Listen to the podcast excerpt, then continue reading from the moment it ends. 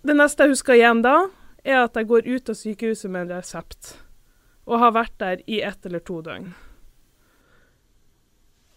Og har fått en diagnose som jeg egentlig ikke har peiling på hva er.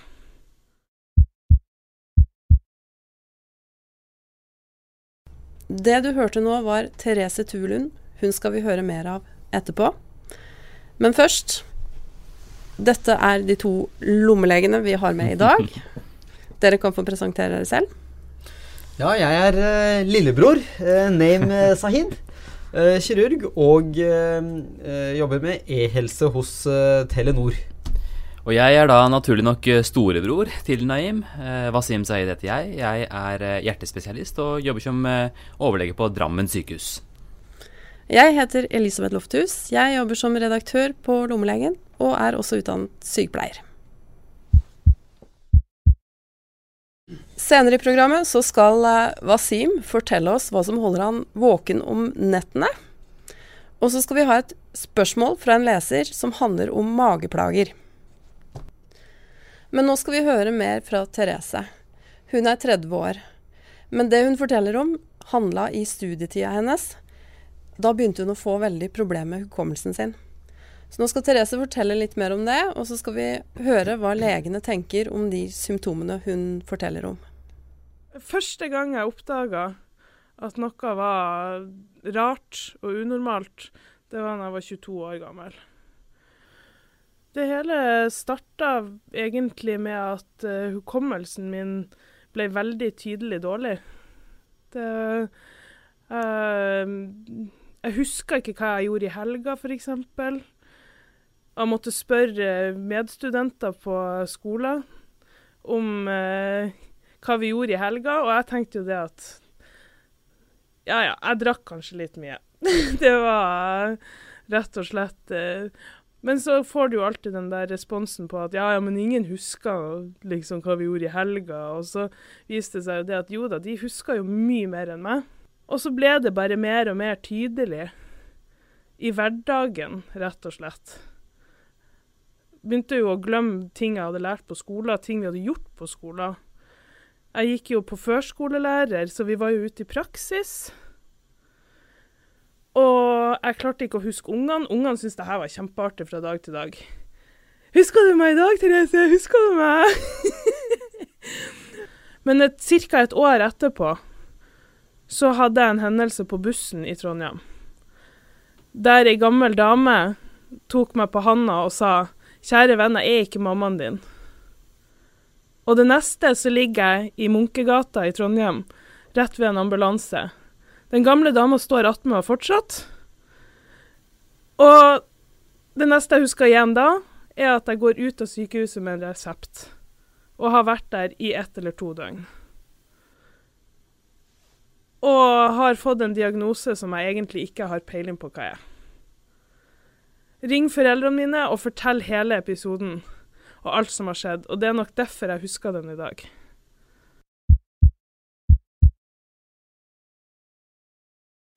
Ja, det her var jo en historie som var ganske dramatisk, eh, sånn det, sånn det utvikla seg etter hvert. Men hvis vi, hvis vi, tar litt tak i det som handla om hukommelse, da, så fortalte hun jo en del eh, ting der. Hva var det hun sa?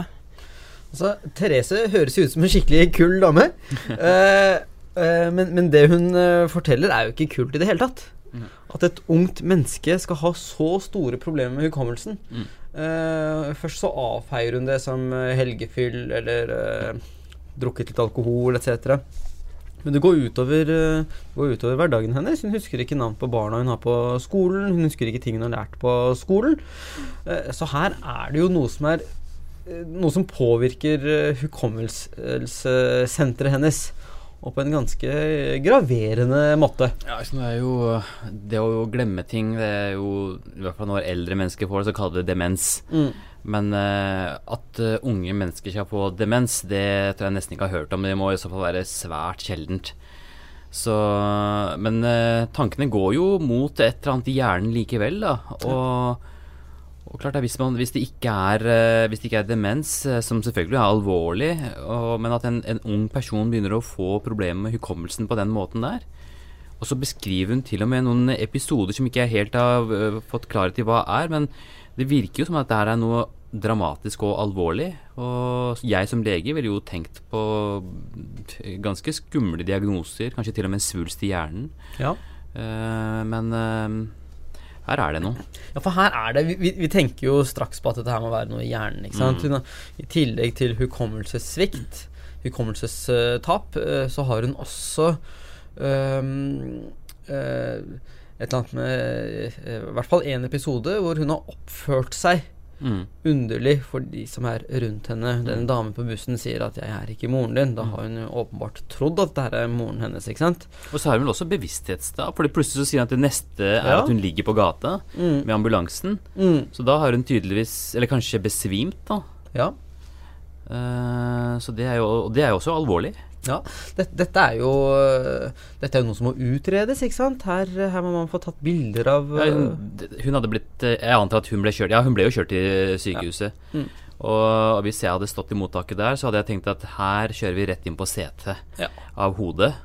Altså et sånn avansert røntgenbilde av hodet, for å se om det er noe med hjernen, sånn som jeg tenker på sånn svulst eller eh, et eller annet sånt. Da er det noe sånt nå. Bare få utelukka det med en gang. Og bredt med blodprøver også, for, Ja. å, se, for å fange opp Ja. Øh, det kunne være noe annet.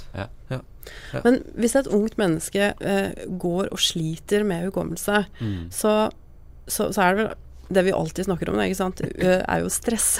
Mm, mm. Hva, er det sånn at det stress i en periode kan gjøre at hukommelsen blir dårligere?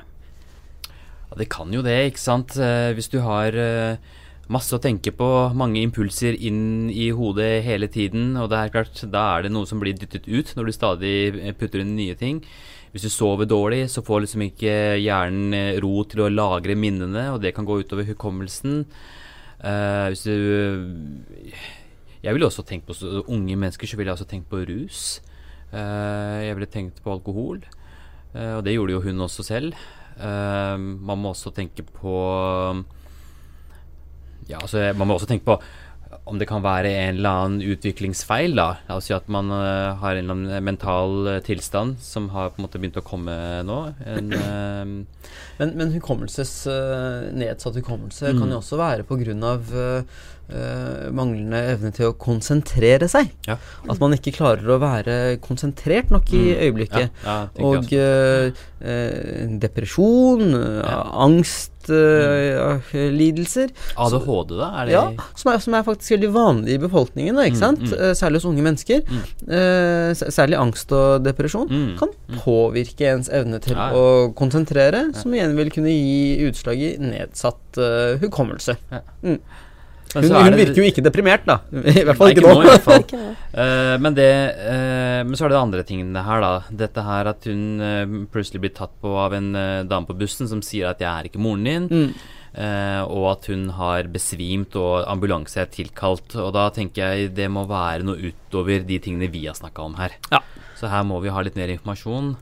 Vi må, jeg tror vi bare må høre litt mer hva Ja, Therese forteller, og hva som skjer videre.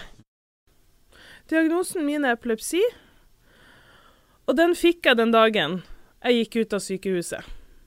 Jeg har både fokalanfall og jeg har GTK, som er krampeanfall. Mange tror at eh, epilepsi bare er krampeanfall der du detter sammen og rister og får skum ut av munnen og får pustevansker. Men jeg har fokale anfall, og de oppfører seg helt annerledes. Jeg forsvinner ved at eh, jeg ser tomt ut i lufta. Jeg kan eh, bli sint.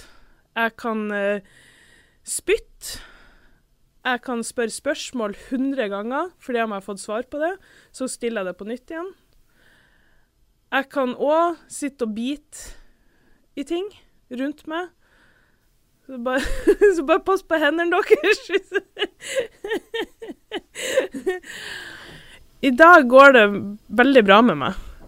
Jeg fikk operasjonen min til slutt, der de fjerna det området i hjernen som var arrvev, og som ødela veldig mye for eh, de andre funksjonene i hjernen min, egentlig.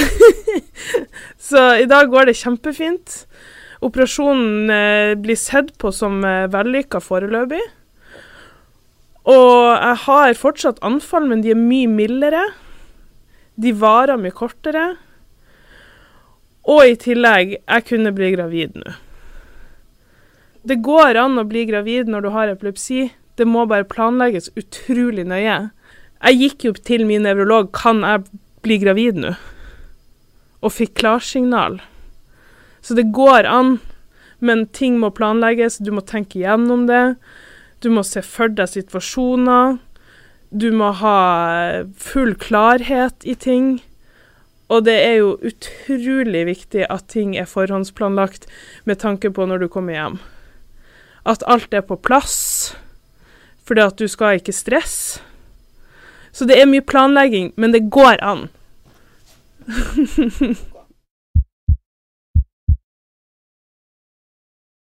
Hva er epilepsi?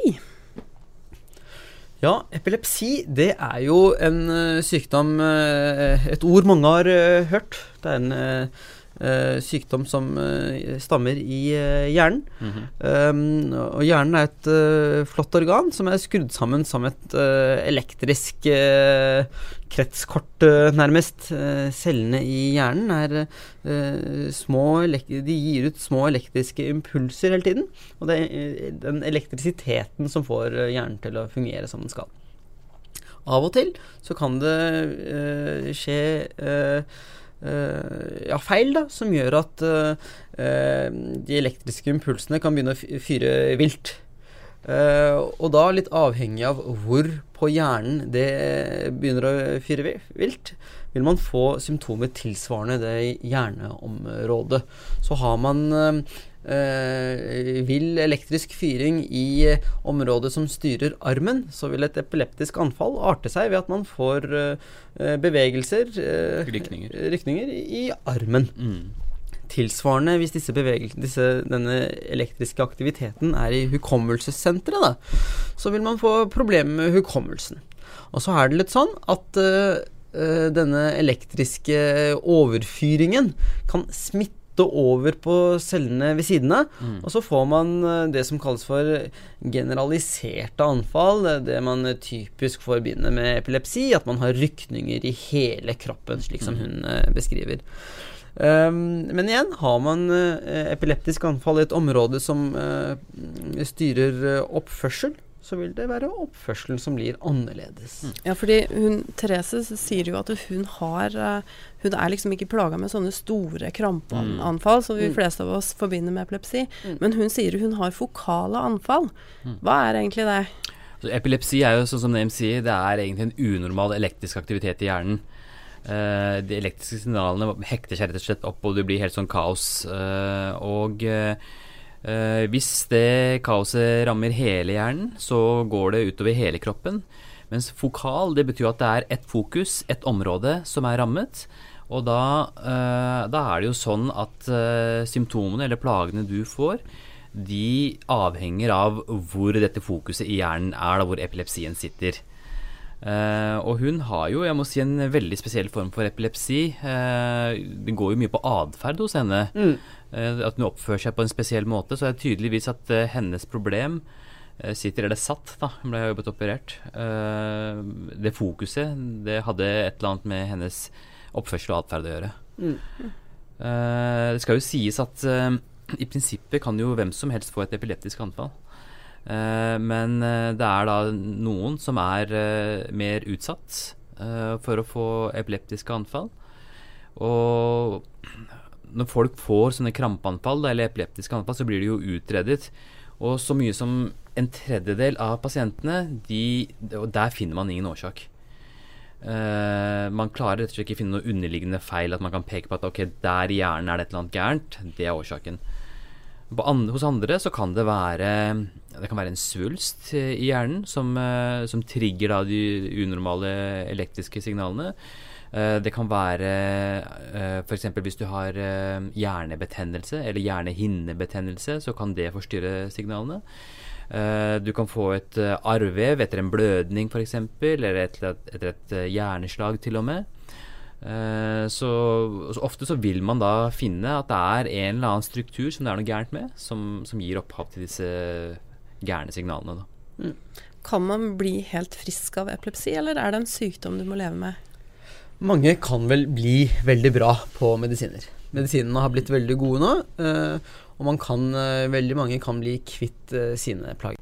Og så er det noen få som er av slik art at man kan operere, gå inn og selektivt ta bort den biten de, de om, det området hvor, eh, hvor eh, feilen som regel eh, Hvor den elektriske overaktiviteten har sitt opphav. For meg så virker det ganske skummelt, da. Og er det en, ett organ jeg ikke vil at noen skal skjære i, så er det hjernen min. For jeg tenker at da tar det jo bort eh, noe av meg, egentlig. Det er jo personligheten min. Ja, ja men så er, det, så er det slik at hvis du er veldig plaget, eh, så, så tenker man kanskje annerledes på akkurat dette her, da. Ja, ja. Og, og, og for særlig noen epilepsiformer så er den behandlingen, kirurgi, kirurgi dokumentert å ha en veldig god effekt. Mm, så det gjelder å finne de riktige pasientene og gjøre den absolutt. riktige operasjonen. En sykdom som påvirker livet ganske mye, da. Eh, Epilepsi er jo en veldig synlig sykdom. ikke Ja. sant? Dette er jo en sykdom som, har, eh, som, som folk har hatt kjennskap til i alle år. Um, Jesus uh, helbredet jo en unge som hadde epilepsi, som hadde de typiske greiene. ikke sant? Han, denne ungen pleide å, å, å falle. Uh, fikk anfall, falt, falt i, ned i, altså i i flammer, i ild, og hadde mye plager av det. Ikke sant? Det, det er ikke bare epilepsien, men også fallet som kan gi eh, skadene. mm. Hadde Jesus tilgang til medikamenter, eller? Jesus hadde tilgang til eh, Guds helbredende eh, evner. Um, Cæsar eh, hadde epilepsi. Den store russiske forfatteren Dostojevskij hadde epilepsi. Oi, Og mange oi. av hans karakterer har epilepsi. Så dette, dette er en synlig sykdom, særlig de variantene hvor man har mye anfall. Um, Det jeg skulle si er at det er jo en sykdom som påvirker livet veldig mye. Det er jo Hvis du er redd for å få kramper, eller hvis du, hvis, selv om du har behandling og fortsatt har risiko for å få kramper, så er det jo en del jobber du ikke kan ha. Ja. Du kan ikke jobbe som pilot eller bussjåfør eh, eller eh, andre yrker hvor du må betjene eh, maskiner eh, som, som påvirker mange. Men hvordan er det med vanlig bilkjøring, da? Ja, du får jo eh, kjøreforbud, faktisk. eh, og du må dokumentere at du har vært fri for anfall eh, et visst tidsrom, et år, tror jeg, før du kan få lov til å kjøre igjen. Og det er, jo, det er jo noe som er veldig dramatisk for folk. da. Vi tenker ikke over det før den muligheten til å kjøre blir tatt fra oss. Men det betyr veldig mye. ikke sant? Å kjøre til jobb, kjøre barna til skole, etterpå treninger. Eh, vi er jo helt avhengige, og, og mange får stor, på en måte, stort inngripen i livet sitt. da. Har noen av dere opplevd å møte pasienter som har eh, epileptisk anfall? Jeg har det, i hvert fall. Eh, det var eh, for et par år siden, og jeg var ute og gikk sammen med barna mine. Eh, så var det en eh, dame som eh, plutselig falt om og begynte å få rykninger. Og det er jo ganske skremmende å se på. Barna mine ble faktisk skremt av det, fordi pasienten kan jo fråde fra munnen, slutte å puste, bli helt rødsprengt i ansiktet og riste og til og med lage lyder. Så da var jo jeg i nærheten, og tilfeldigvis var det også en sykepleier som var i nærheten, så vi gikk jo rett bort til denne pasienten. Og det som er det viktigste å gjøre i en sånn situasjon, det er jo å bare passe på at uh, pasienten ikke skader seg. Ikke? Eh, Hvis hun eh, faller og, og rister og slår hodet mot asfaltkanten, eller et eller annet, så kan hun jo få brudd på skallen, sår. Så det vi gjorde, var jo rett og slett å bare legge en jakke rundt og under hodet, slik at hun ikke skulle slå seg. Og ringte etter ambulanse. De kom jo i løpet av bare noen par minutter. Eh, Og da hadde anfallet allerede begynt å gå over, da. Men før så, så, så var det vel sånn at noen prøvde liksom å legge noe inn i munnen til en Ja. som hadde epileptisk anfall, men Ja, det skal man Ja, vel ikke må- gjøre lenger. det må du ikke gjøre. Ja, det skal man ikke gjøre. Det, det er jo det stikk motsatt av hva behandlingen er. ikke sant? Du skal prøve å holde luftveiene frie, og ikke dytte ting ned i eh, munnen på folk. Og når vi holder luftveien frie, hva gjør vi da? Ja, Du kan jo legge pasienten i stabilt sideleie, sørge for at eh, om pasienten har kastet opp eller eh, hatt tyggis i munnen, at, du, at, man, eh, at man får det ut. eh, Og at ting kan renne ut eh, og ikke bli sittende fast i eh, munnen. At det er jo vanskelig å få til under et pågående epilepsianfall. Da. Hvis den har kraft, så er jo ofte kjeven låst, så det er ikke så mye du får gjort med det. Uh, hos en bevisstløs pasient, hvis man skal holde luftveiene åpne, så er det jo å løfte frem kjeven, ikke sant. Mm. Og, slik at det skal være åpent. Men det gjelder jo ikke epilepsipasienter, for de er jo helt, helt stramme. Eh, så det eventuelt etter et anfall, for det som skjer etter et anfall, er at de blir veldig slappe. Og kan eh, være ikke ved bevissthet. eh, og bli veldig sånn sliten og slapp. Og i en sånn situasjon så kan det jo kanskje være et poeng i å sørge for at de puster ordentlig da, i hvert fall.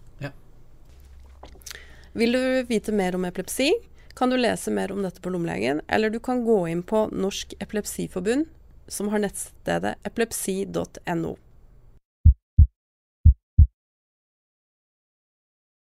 Innledningsvis så sa jeg også at vi i eh, denne episoden skulle snakke litt om hva som holder eh, Wasim våken. Og nå er jeg litt eh, nysgjerrig på hva det egentlig er. Ja, nå skal du høre. Nå skal jeg ta dere med tilbake hele 23 år i tid. Jeg var eh, 19 år. Jeg var sammen med min yngre Ja. bror, som var da 16 år.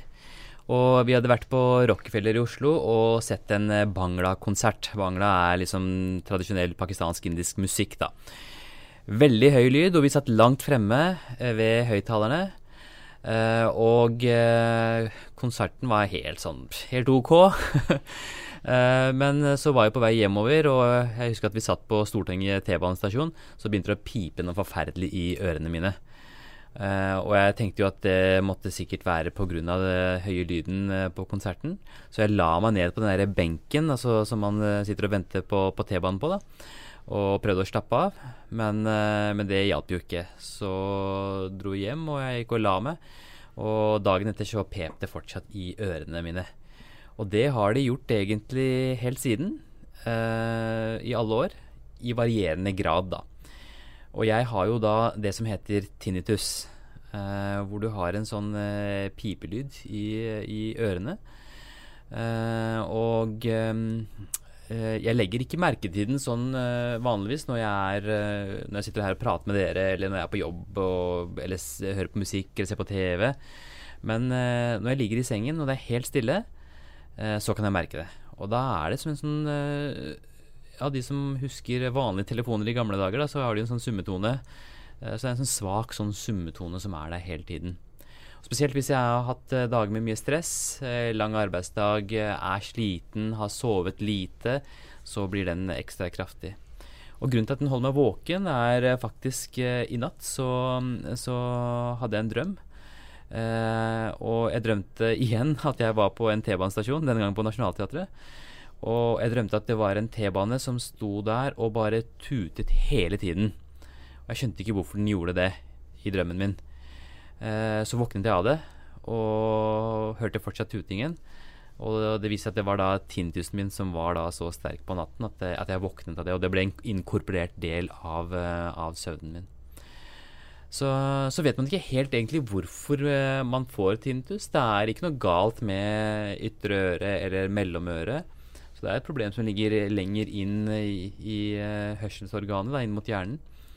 Um, høye Altså hvis man har vært utsatt for støy, uh, høy uh, bråk, sånn som jeg var, da, så, så kan man uh, få det. Men mange som får det også uten at de har vært utsatt for noe sånn støy. da. Man vet ikke helt egentlig hvorfor man får det. Behandling på det er egentlig ikke så veldig mye. Eh, hvis man syns det er veldig plagsomt, så kan man prøve å sette på litt musikk, eller prøve å på en måte avlede oppmerksomheten, da, og, og, og, ikke på en måte drive og lytte etter. Eh, og det er det jeg gjør, da. Hvis jeg er veldig plaget, så kan det hende at jeg setter på høretelefoner og hører på litt musikk, eller et eller annet sånt. Jeg husker jo konserten, Ja. og jeg husker eh, at uh, da vi var på vei hjem, så sa du Ja. at det piper i ørene. Og det, den konserten Jeg angrer ikke på mye, fordi det var en ganske dårlig konsert. Ja, det var det. Ja. uh, men eh, men eh, det, det det koker ned til, er jo at Tintus tinnitus i mange tilfeller er en larmskade. Ja. At du har vært utsatt for høy lyd, enten i en kort periode eller over lengre tid. Uh, så det er veldig viktig at Mm, Ja, det, det er veldig viktig at man tar vare på hørselen sin. Mm. Så øh, når man er på konsert, så uh, pleier jeg alltid å anbefale at man bruker ørepropper. Ja. uh, trenger kanskje ikke å bruke det gjennom hele konserten, men uh, men når øh, bandet spiller øh, de sangene du kanskje ikke er fullt så stor fan av, så kan du godt påspandere deg ørepropper, og så eventuelt ta de ut igjen når, når de spiller favorittlåten din. Det gjør alltid jeg, og det gjør faktisk musikere også. Alle musikere, når de spiller konsert, så har de ørepropper for å skåne sin egen hørsel. Det er et veldig godt råd, men det jeg må si, de er jævlig kjedelige. Fordi jeg var på en Carpe Diem-konsert på Oslo Spektrum. Mm. Og da fikk vi utdelt sånne ørepropper. da Jeg satte de inn, og jeg kjeda meg under konserten. Og det, det skal mye til for å kjede seg på en Carpe Diem-konsert. Så tok jeg de ut, så tok konserten helt av. Så det er en, det er en pris å betale, det også. Ja, det er, det er en pris å betale, helt enig. Eh, men eh, det, å, det å få nedsatt hørsel, det å få andre hørselsskader, det, det, det, det er unødvendig. Ja, det er sant. Det er sant. Enig.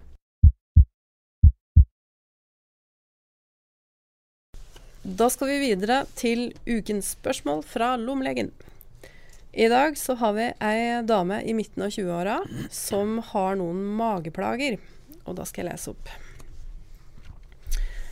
Jeg har de siste månedene vært plaget med magesmerter som kommer og går. Smertene er oftest på venstre side, i nedre del av magen. Smertene lindres ved avføring og luftgang. Jeg har fått hyppigere avføring siste måned, ofte tre til fire ganger hver dag. Det syns jeg veldig ofte. Jeg syns også avføringen har blitt mer løs. Jeg har ikke forandra noe i forhold til hva jeg spiser, og jeg bruker ingen medisiner. Men jeg har en travel hverdag og er ganske stressa som type. Jeg blir veldig bekymra for at noe alvorlig, feil, noe alvorlig feiler meg. Kan det være alvorlig, og bør jeg undersøkes av lege? Hva tenker dere om dette? Ja, uh, Wasim, uh, her får vi jo ikke mye informasjon. Så, eh, så aller helst så ville jeg jo likt å vite mer om plagene hennes. Mm. Men på generell basis så kan man jo si at magesmerter kan jo være alt fra trivielle, forbigående ting til eh, alvorlige lidelser. Og særlig kroniske magesmerter, langvarige magesmerter. Eh, da, da er det jo spesielt viktig at man utredes for og utelukker um, de alvorlige eh, sykdommene eh, som går under sekkebetegnelsen inflammatorisk tarmsykdom, altså betennelse i tarmen. Altså jeg, eh, for å ta, svare på hennes uh, siste spørsmål med en gang, bør jeg undersøkes hos lege? Ja. Her er det jo klart at hun har gått lenge med plager, og det kan i prinsippet være hva som helst som er årsaken til disse plagene her, så hun bør eh, helt klart undersøkes hos lege, hos fastlegen. Starte med noen eh, ja, starte med å bli kjent på magen. Eh, ta noen enkle blodprøver. Vurdere å gjøre noen røntgenundersøkelser, ultralyd. Så her må man jo her, hun, hun bør jo gå til fastlegen og få at det er utredet. Men uh, la meg fullføre argumentet mitt, da. Okay. Ja, Eh, altså, eh, ja, selvfølgelig må hun gå til lege, ikke sant. Det, det er jo det, det, det hun må få gjort. Hun må få undersøkt dette her. Hun Man må få uteluk utelukket de alvorlige lidelsene som gjerne er hvor man kan ha mye magesmerter. Man kan ha blod i avføringen, man kan ha diaré, man kan ha slim i avføringen. Eh, og for, man må ta blodprøver, kanskje en koloskopi, kanskje noen Mm. bilder. Men basert på det lille hun skriver, Mm. eh, så føler jeg ikke at, eh, det er, eh, at det er i den gaten, dette her. Mm. Dette her høres kanskje mer ut som en sånn irritabel eh, tarm. Mm, Hun mm. sier at hun er plaget med løs avføring, eh, kan komme og gå litt, og at det blir bedre etter eh, Magesmerten blir bedre etter at hun har hatt avføring. Det er litt um, Peker i retning av mer den irritable varianten. Men hvis du før du går dit, da, hvorfor kunne det ikke f.eks. vært en laktoseintoleranse eller en cøliaki som har begynt litt i voksen alder? Absolutt. Så- Dette må utredes. Og det er jo ikke den Mm. på en måte, Det du legger irritabel tarmsykdom, det er jo en, det, er en sykdom hvor du f.eks. med cøliaki så tåler du ikke gluten, som er en Mm. komponent i eh, Ja. visse kornsorter. Mm. Eh, ved laktoseintoleranse så er det Melken. Så er det melken som er problemet. Mm.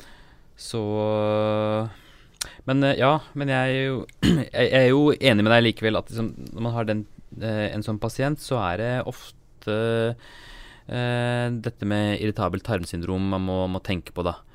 Men eh, Og så er det vel slik at eh, Slik som du nevner, da. At eh, man må ha vært eh, Man må ha sett på alle andre lidelser først. Ja. For irritabel tarmsyndrom mm, er gjerne en sånn, en, eh, en sånn siste eh, Kall det en knagg. mm. eh, når man har utelukket alle de alvorlige tingene. Men Hvis vi skal prøve å svare på henne, så tenker jeg at, at jeg er lege, og hun kommer til meg. Eh, så, eh, så vil jeg igjen eh, snakket med henne for å kartlegge hele historikken. Og så vil jeg kjent på magen hennes. Og hos kvinner så må man jo alltid tenke på underlivet også, Ja. selv om det ikke er nødvendigvis det her virker som at det er, man går veldig fort i den der tarmgata. Men hvis man f.eks. tenker at det er en eller annen eh, lidelse i kjønnsorganene, i de indre kjønnsorganene, så kan de ligge og irritere tarmen rundt, og det kan også gi magesmerter og av, løs avføring og diaré og sånne ting. Så man alltid huske Ved magesmerter hos eh, kvinner så må man alltid tenke på underlivet også. Uh, så det må undersøkes. Så ville jeg vel gått videre med, med blodprøver og se om det er noe tegn til betennelse. Se om det er noe eh, påvirkning av lever, eh, om det er noe gallesystem, om det er noe i bukspyttkjertel. Altså de vanlige mageblodprøvene, som jeg kaller det. da. Eh, og eh, jeg tror vi ville henvist henne til å begynne med kanskje til en ultralyd av magen. Ja. For å se om det er noe spesielt. Eh, og hvis ikke disse tingene viser noe, så må man jo gå- gå videre med en eh, gastroskopi, altså en slangeundersøkelse ned i magesekken. Og eventuelt en koloskopi, hvor man har en slangeundersøkelse fra, fra endetarmen og opp i tykktarmen. Ja. Og da har man på en måte eh, tråkla gjennom og det meste og kan i hvert fall utelukke de alvorlige tingene. Mm. Og da, hvis man ikke finner noe napp der, så sitter man igjen med dette med irritabelt tarmsyndrom. Ja.